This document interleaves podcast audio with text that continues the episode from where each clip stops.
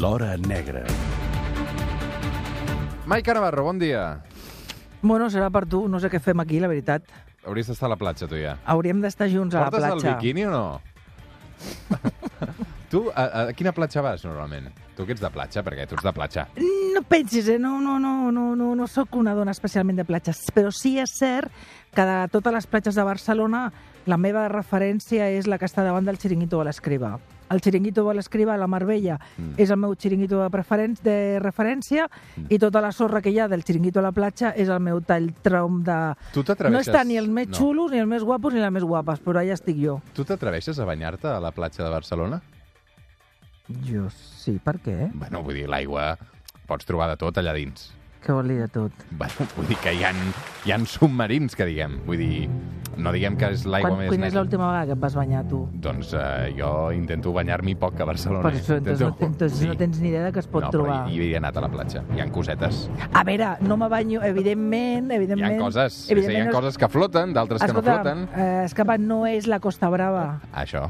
Evidentment no és la Costa Ni Brava. la Costa Daurada tampoc, ni la Costa Daurada no, tampoc. ni la Costa Daurada. És- És a dir, no entro i tiro milles a nedar i, i d'allò, no, però refrescar i estar i Chapuzón, tal, sí. saps? Chapuzón, eh, agüeta, jo, un... Refrescar, què se'n diu? Doncs va, Però, després... escolta, ets una mica... Clar, com que ets de Sabadell no teniu platja, Bueno, tenim la platja de Barcelona. Vull dir, Barcelona és el barri marítim de Sabadell.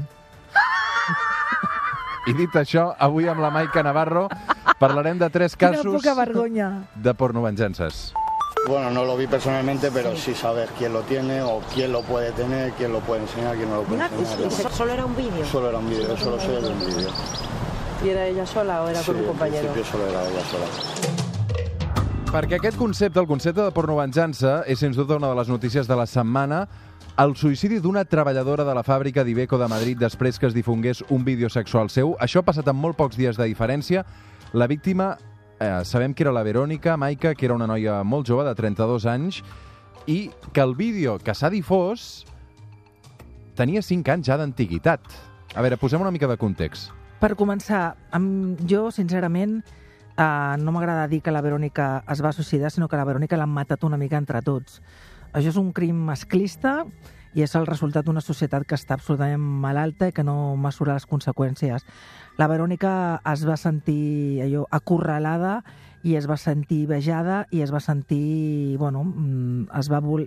Insisteixo, no m'agrada fer servir el terme suïcidar-se perquè la Verònica hem de recordar que feia només, tenia dos fills, un de 5 anys, un altre només tenia 6 mesos i el que va passar és que el, el divendres, 24 hores abans de Això fa una prendre... setmana només, una setmana. eh? Sí, i la setmana passada. I 24 hores, després, 24 hores des, ella decideix uh, treure's la vida més d'una manera molt, molt, molt, de la, totes les maneres, de la més violenta que hi ha i la més cruel, una de les més cruels que hi ha, i tot perquè 24 hores abans aquesta, aquesta gravació arriba al seu marit.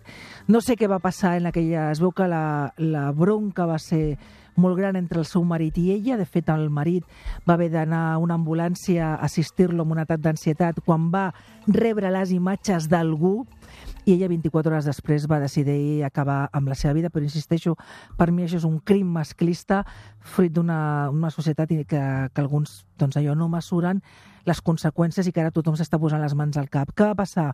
Fa cinc anys la Verònica tenia una relació amb una altra persona i en un moment amb absoluta llibertat individual ella es grava unes imatges sexuals eh, practicant sexe amb si mateixa, és a dir, una masturbació, i ella, de manera lliure, decideix enviar-li aquestes imatges al que en aquell moment era la seva parella. Això fa cinc anys.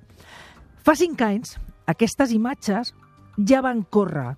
És a dir, alguns companys de la feina de la, de la Rebeca, de la Verònica, perdó, ja van veure aquestes imatges fa cinc anys. Segurament el poder de les xarxes socials no era el que és ara, ella es va assabentar i va aconseguir en aquell moment aturar la difusió. Va tenir una difusió molt petita, en un grup molt, molt, molt, molt petit, i allò no va tindre més conseqüències. Parlem d'una empresa de 2.500 treballadors. Efectivament, Evidentment, una- no tothom es coneix entre ell. En una empresa tan gran, no tothom té una relació. No. En aquell moment, insisteixo, fa cinc anys, és una cosa molt petita que ella ho passa malament, ho atura, però jo s'oblida.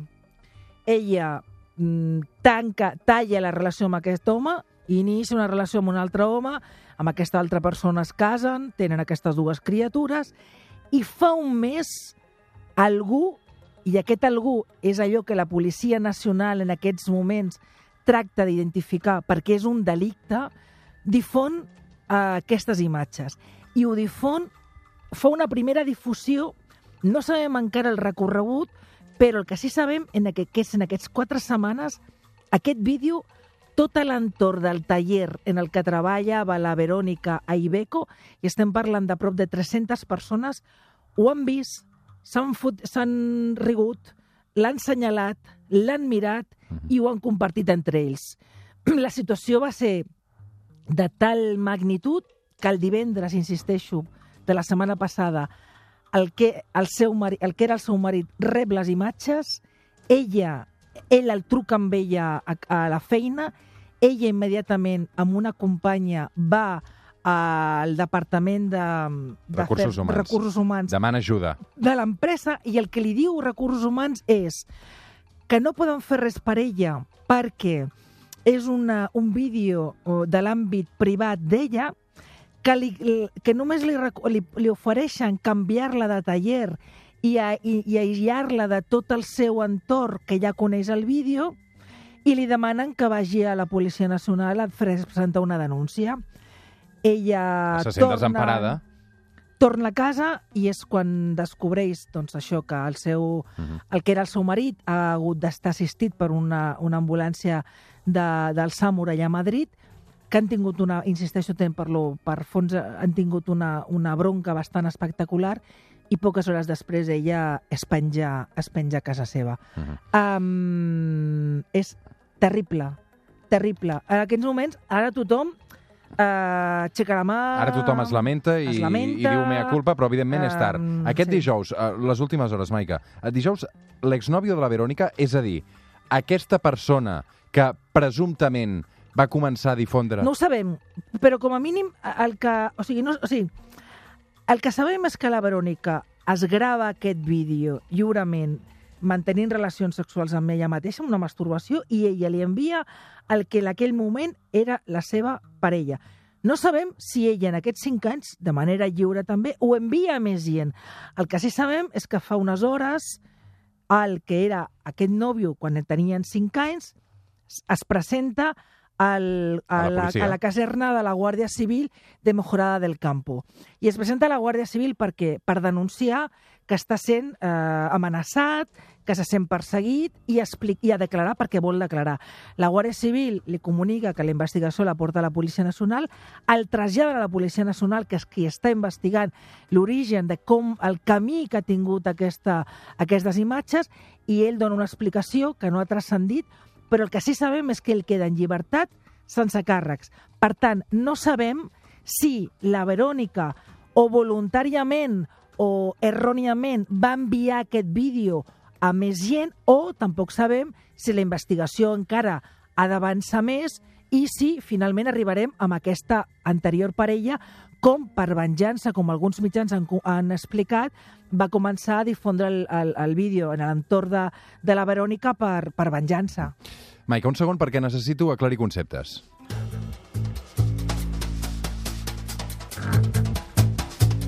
Per desgràcia, les pornovenjances són un fenomen que no s'atura per prevenir, sobretot també per saber què diu la llei sobre aquests casos. Tenim al telèfon el caporal del grup central de proximitat dels Mossos d'Esquadra.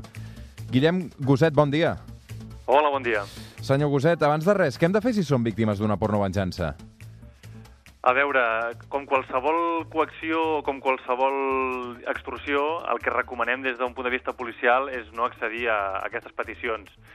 Hem d'entendre que si nosaltres facilitem aquests continguts, eh, no tenim mai la certesa de que aquesta extorsió pararà. És a dir, si facilitem un contingut o dos, eh, no sabem quan en tindran prou. En poden demanar més, de manera il·limitada, fins a arribar al punt que tindran després tant de material que realment llavors la- la- l'extorsió o la coacció doncs, seria ja molt difícil de, de, poder, de poder frenar perquè disposarien de molt de material. Mhm. Per tant, en primer lloc, és no cedir aquest xantatge.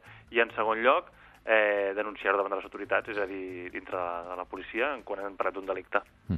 Per tant, si es rep un vídeo d'aquesta mena, el que recomanen des de Mossos és directament denunciar la persona que ens l'envia.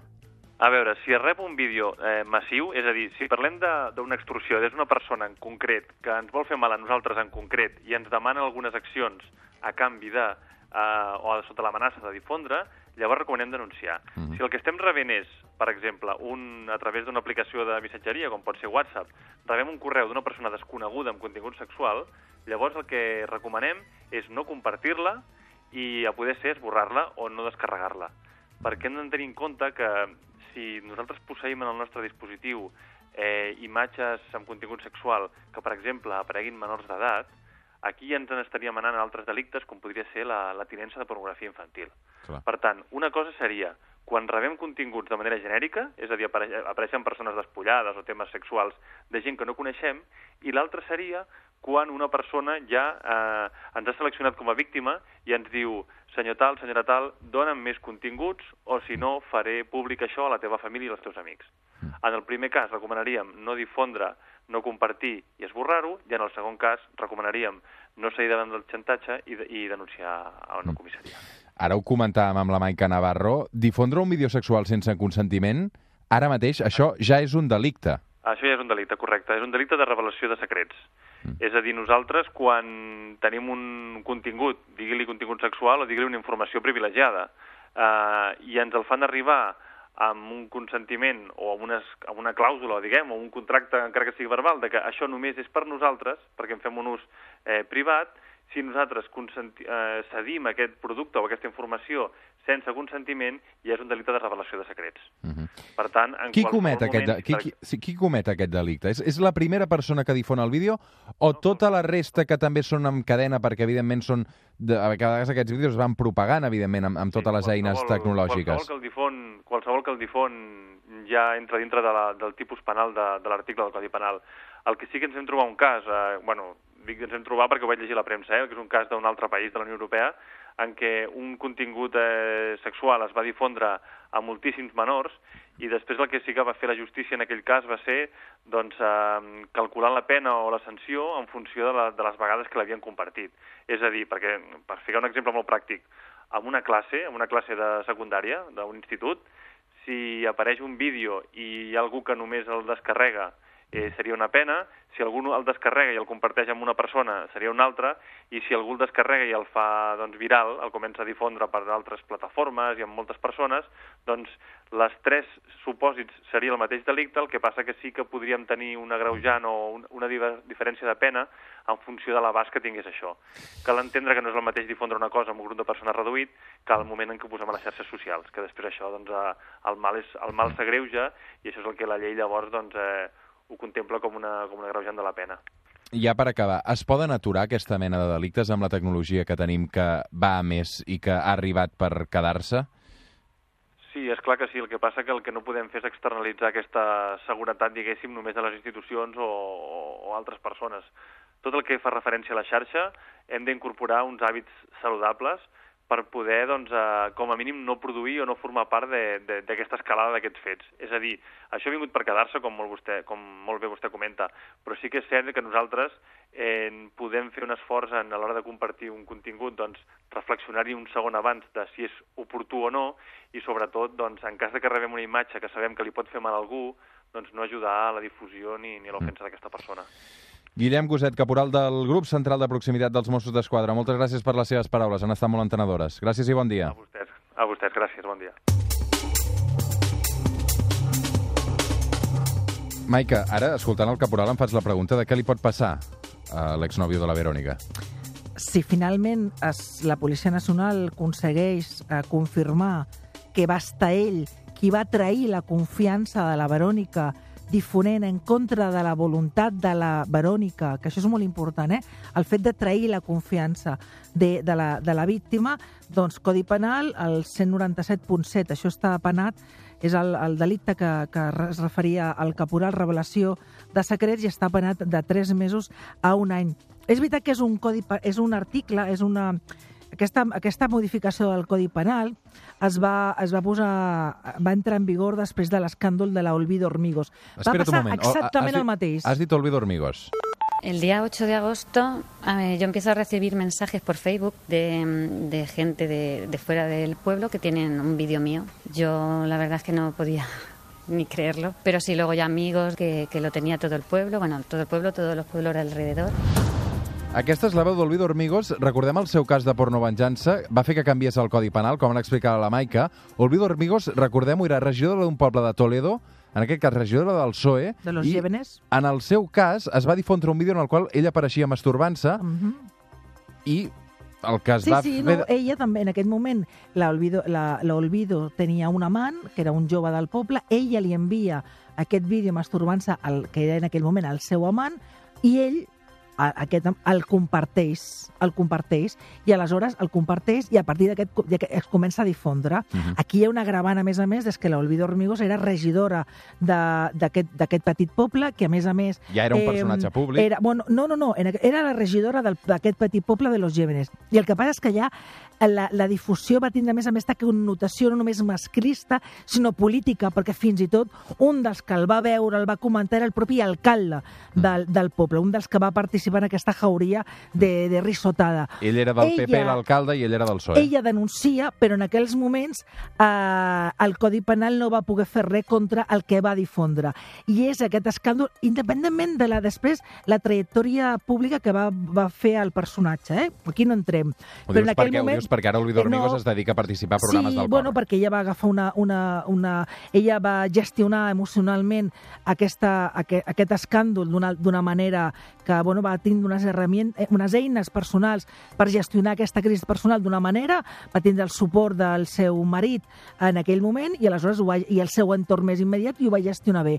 En el cas de la Verònica, no. Llavors, en aquest moment és quan es canvia el Codi Penal i eh, no amb caràcter retroactiu, però sí que a partir d'aquest moment, casos com aquest, que és el cas de la Verònica, eh, a diferència de l'Olvido, la Verònica no va tenir el seu abast, ni va tenir la fortalesa, ni va poder doncs, gestionar aquesta crisi, aquesta humiliació que entre tots els seus companys de feina que ningú va aturar aquesta barbaritat, que ningú va anar a la Policia Nacional, que ningú li va donar al costat, tot i que és veritat que ara han aparegut companys d'Ibeco que asseguraven que algú va estar al costat d'ella, que algú el va ajudar, però evidentment no amb la suficient enteresa o fortalesa perquè el resultat tristament és el que tots sabem. Doncs sí, un final trist eh, per Verònica. Eh, veurem com acaba també tota la investigació, eh, arran també de, de la presència d'aquest exnòvio també dins d'una comissaria. Deixa'm Amb- aclarir una cosa. Hi ha més casos, eh? Ah, El de la sí. Rosa Peral, recordo, el del crim de la Guàrdia Urbana. Vull dir que no però, tenim temps, no, però... I, però deixa'm dir que um, el, com que és un article uh, nou, aquest de la... s'aplica de, de fa poc, hi ha una certa controvèrsia fins a quin punt tots els 200 treballadors que s'han anat eh, passant el vídeo, quina responsabilitat penal hi hauria. Aquí hi ha un component de traïció, a la, de traïció, i el que traeix és qui, a qui rep primer. O sigui, la Verònica li passa en confiança amb una persona i és aquesta persona qui traeix la confiança de la Verònica és aquí on el Codi Penal actuaria. Els altres encadenats, no sé fins a quin punt el Codi Penal podria actuar. I d'altres casos amb, amb, amb desenllaç fatal, com la Tatiana, una noia italiana que també es va acabar suïcidant eh, per un cas molt similar i d'altres també amb resultats fatals, com el cas de la Verònica, el que amb la seva família i el seu actor enviem una abraçada molt gran i recordem que això és masclisme. Maica Navarro, una abraçada. Igualment. Pausa i tornem.